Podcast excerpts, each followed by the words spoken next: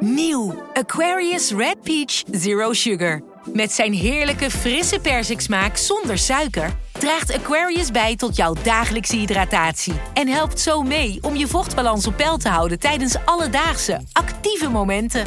Thuis, op het werk of onderweg. Ook verkrijgbaar in smaken lemon en orange. Probeer hem nu. Wie reist met NS, reist net even anders. Wij reizen groen, zonder moeite te doen. Oh, zo kan je dus ook een dagje weg. En wij werken in stilte. In stilte? Nou ja, met oortjes dan. Oh. Zo gaan we iedere dag vooruit. Wij allemaal. Stap je ook in?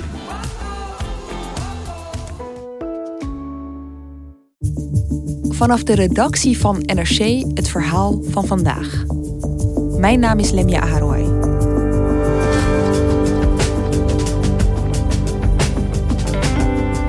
Vandaag trekt Mario Draghi de deur achter zich dicht bij de Europese Centrale Bank. Hij is de man die de euro door de kredietcrisis leidde. Aan het begin van zijn periode werd hij nog Super Mario genoemd. Maar aan het eind moet hij het doen met de bijnaam Dragila. Wie is deze man?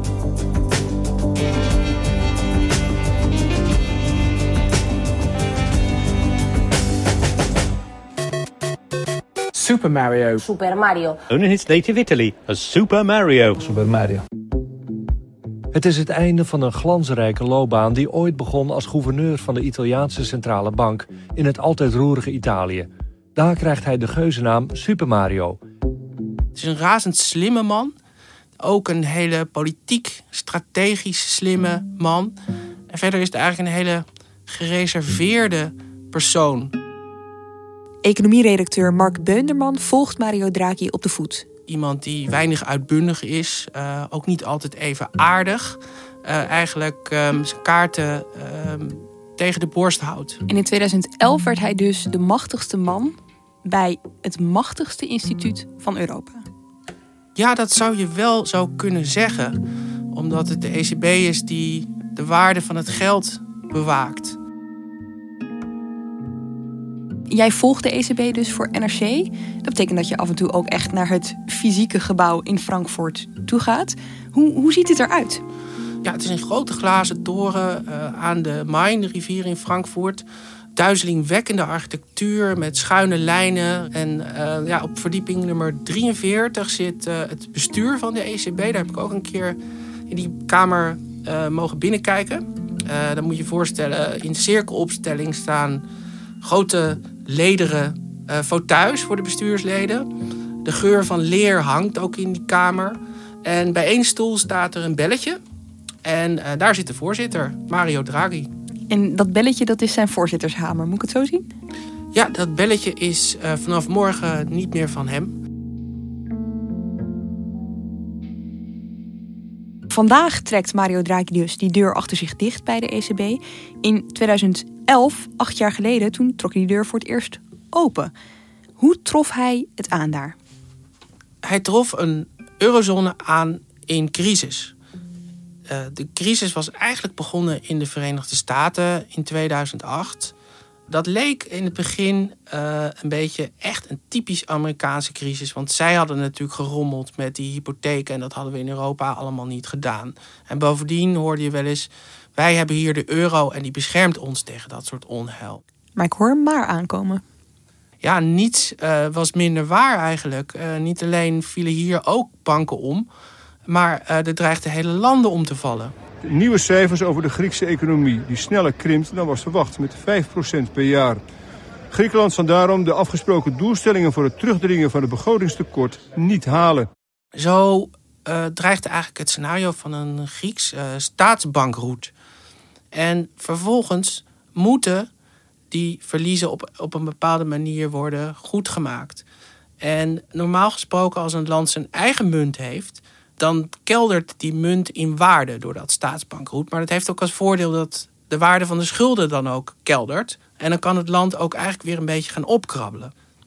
Alleen Griekenland had zijn eigen munt niet meer, want vormde deel en vormt nog steeds deel van de euro. En als ze dan de waarde van die munt naar beneden zouden willen halen, dan zouden ze dat tegelijkertijd doen voor 17 andere landen. Dat kunnen ze niet, maar er was wel één oplossing denkbaar, namelijk uit die euro stappen. Maar uh, dat is tot op heden nog nooit gebeurd.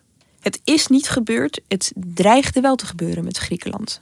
Het dreigde wel te gebeuren, want het alternatief was dat de andere eurolanden Griekenland moesten gaan helpen. Geen cent meer voor de Grieken. Een steunpakket aan de Grieken, ja, was dat maar waar. Het kost wel veel geld, maar er worden geen problemen mee opgelost. Ik vind dus dat Griekenland niet thuis hoort in de muntunie.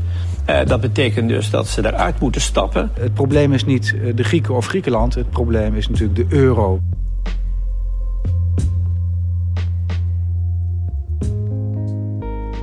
Daar speelde ook heel erg de angst in mee dat als je eenmaal een land um, uit de eurozone duwt, dat uh, dan eigenlijk uh, voor beleggers de indruk ontstaat dat die hele eurozone niet zo heel veel voorstelt. Want ja, dan kan, kunnen er ook andere landen uit gaan vallen. En er waren op dat moment meer landen waarmee het financieel niet supergoed ging. Zeker.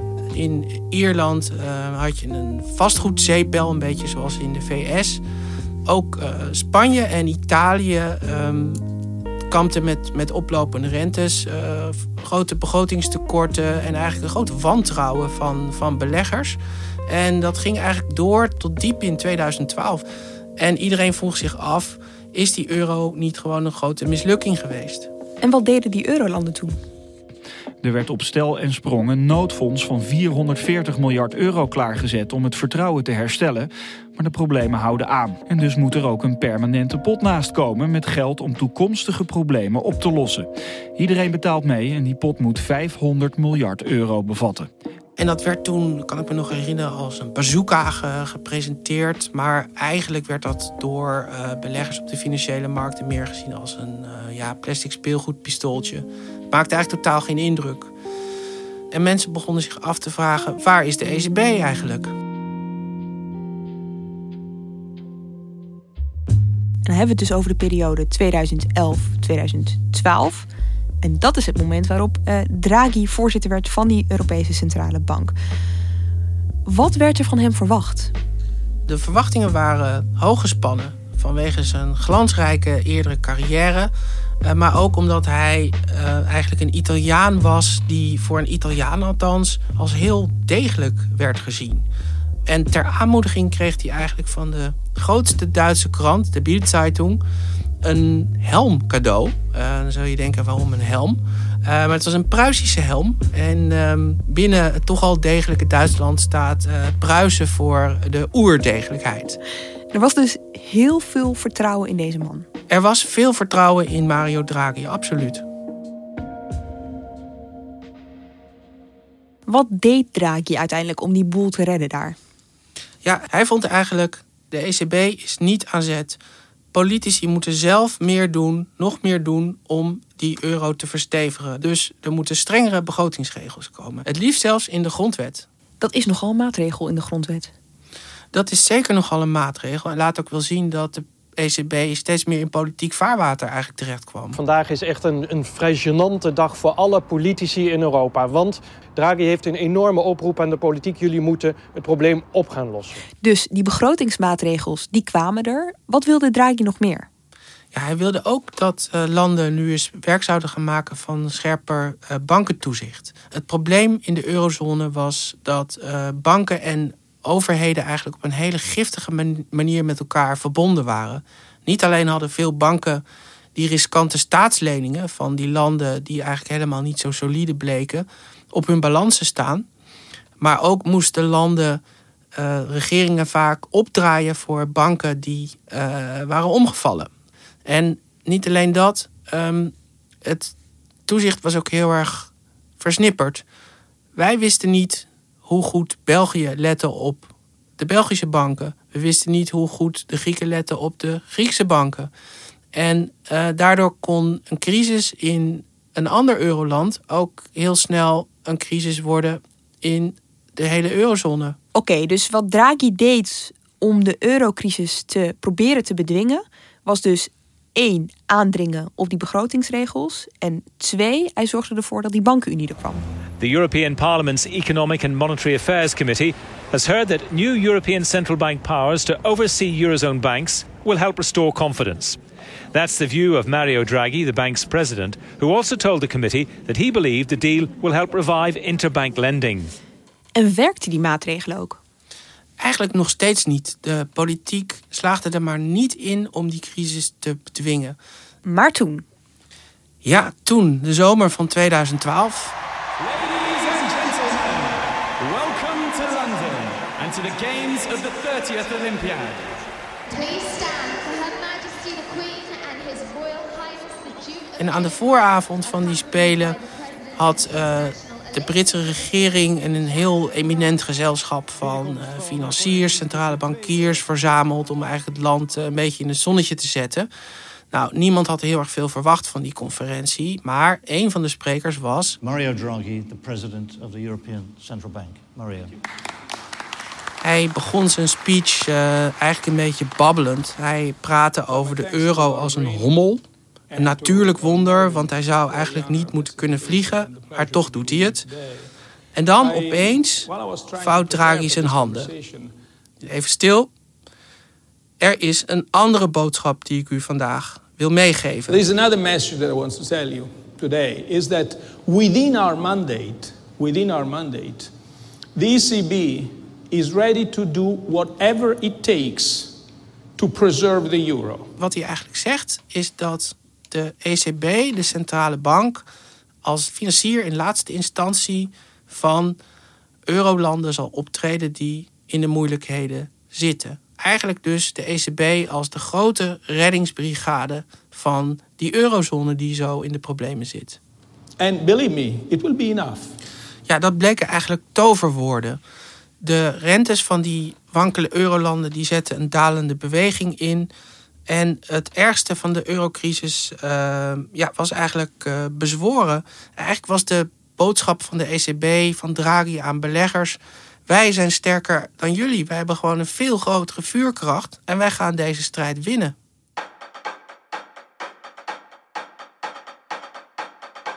Dit is toch wel heel bijzonder, want uh, alles waar we het net over hebben gehad, alles wat de politiek tot dat moment had geprobeerd om die beleggers het vertrouwen te geven, het komt goed.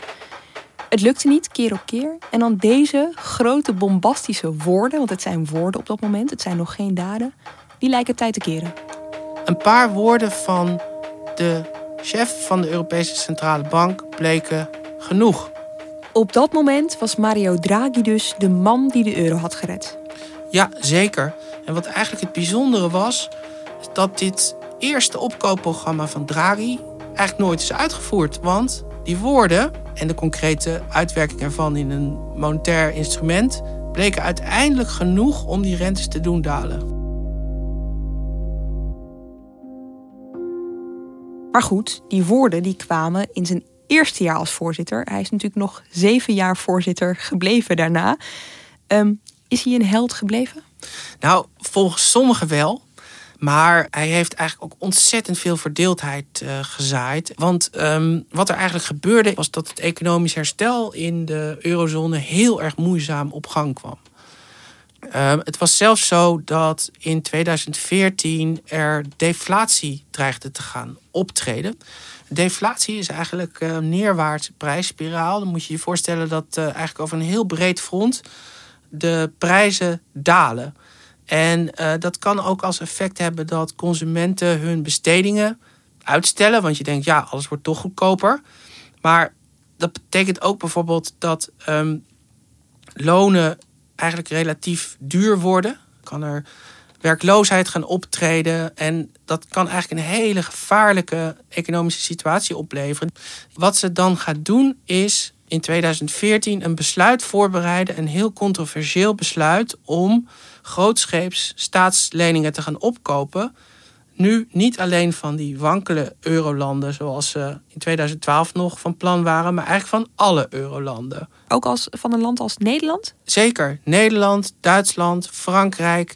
Bij elkaar is tot dusver voor het nauwelijks te bevatten bedrag eigenlijk van krap 2600 miljard euro aan staatsschuld en bedrijfsschuld door de ECB opgekocht. En er komt nog meer bij. Om de economie uit het slop te trekken na de crisis heeft de Europese Centrale Bank sinds maart 2015 meer dan 2000 miljard euro in de economie gepompt en de rente op 0% gezet. Ongekende en draconische maatregelen. Maar werkte het uiteindelijk wel? Uh, daar zijn de meningen onder economen die het altijd met elkaar oneens zijn, natuurlijk over verdeeld. De ECB zegt zelf dat door middel van deze opkopen de deflatie is voorkomen. En dat ehm, de, inf de inflatie eigenlijk een beetje is opgekrikt naar het niveau dat het, de ECB het liefst zou willen zien. En dat is krap 2%. Nou, feit is gewoon, de ECB heeft zijn inflatiedoelstelling niet gehaald. Want de inflatie blijft al jaren flink onder die 2% Sufficiently close to, but below 2%.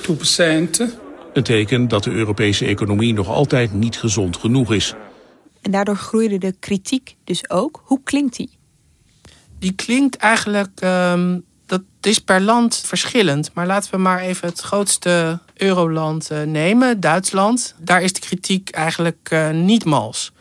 De ECB heeft met dat uh, grote opkoopbeleid, maar ook met de negatieve rentes die ze heeft ingevoerd, eigenlijk um, best wel grote schade toegebracht aan uh, spaarders. Kijk maar naar je eigen spaarrekening. Hoeveel rente krijg je?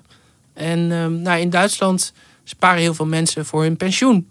Nou, opeens krijgen ze daar geen rente meer op. Vor zwei Jahren sagte er, whatever it takes, was immer nötig sei, werde er tun, um den Euro zu retten.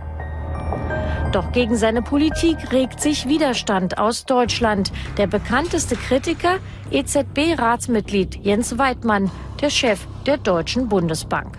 Ja, en in de Duitse pers wordt hij zelfs nu graaf Dragila genoemd, die onze rekeningen leegzuigt.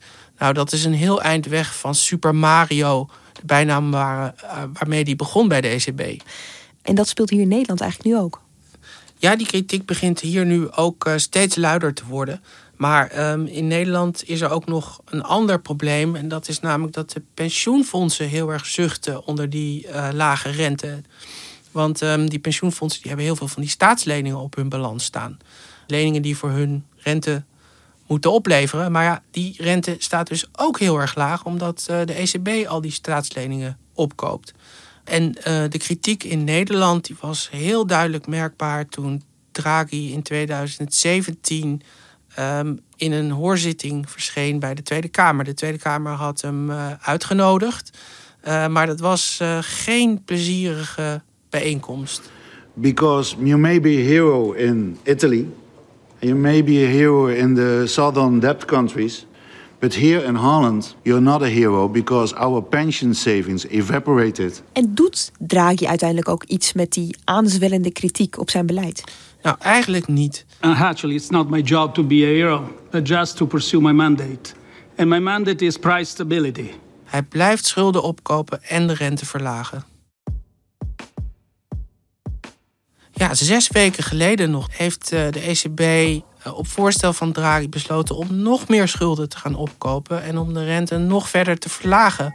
Ik was ook zelf uh, bij de persconferentie van die vergadering en toen zag ik er een paar naar buiten lopen. Eigenlijk met hele gespannen gezichten. Toen dacht ik, oh, dit is niet zomaar een vergadering geweest. En het bleek eigenlijk dat bijna een derde tegen dat besluit had gestemd om nog meer staatsleningen te gaan opkopen. Uh, een aantal bestuurders namen de dag erna publiekelijk afstand van het besluit. Nou, dat is eigenlijk binnen de ECB-mores uh, iets uh, ongekends. Maar moet ik het nou zien als een soort van middelvinger die, die, die Draghi zo vlak voor zijn vertrek nog even achterlaat? Ja, naar zijn motieven blijft het gissen. En het is ook op een andere manier gevoelig, omdat hij een beetje over zijn graf heen regeert. En daarmee nagelt hij eigenlijk uh, zijn opvolger, Christine Lagarde, een beetje vast. Vorige week, donderdag, heeft hij ook zijn laatste persconferentie gegeven. So, ladies and gentlemen, Vice President and I are very pleased to welcome you to our press conference. Hem werd ook nog gevraagd: wat doet u nu met die helm? Want inmiddels had de Bild-Zeitung, die populaire Duitse krant, die helm teruggeëist uit woede eigenlijk over het monetair beleid van de man die ze acht jaar geleden zo hoog hadden zitten. En onvermijdelijk kwam natuurlijk twee keer zelfs, geloof ik, de vraag: gaat u inderdaad die helm teruggeven? Geen sprake van. Geschenkt ist geschenkt. Uh, I plan to keep it. Dankjewel, Mark Beenderman. Graag gedaan.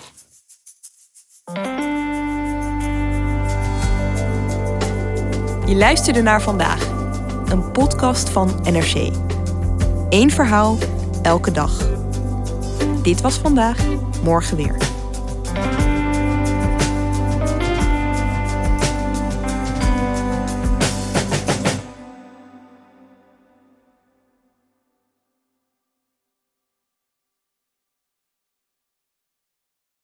De financiële markten zijn veranderd, maar de toekomst, die staat vast.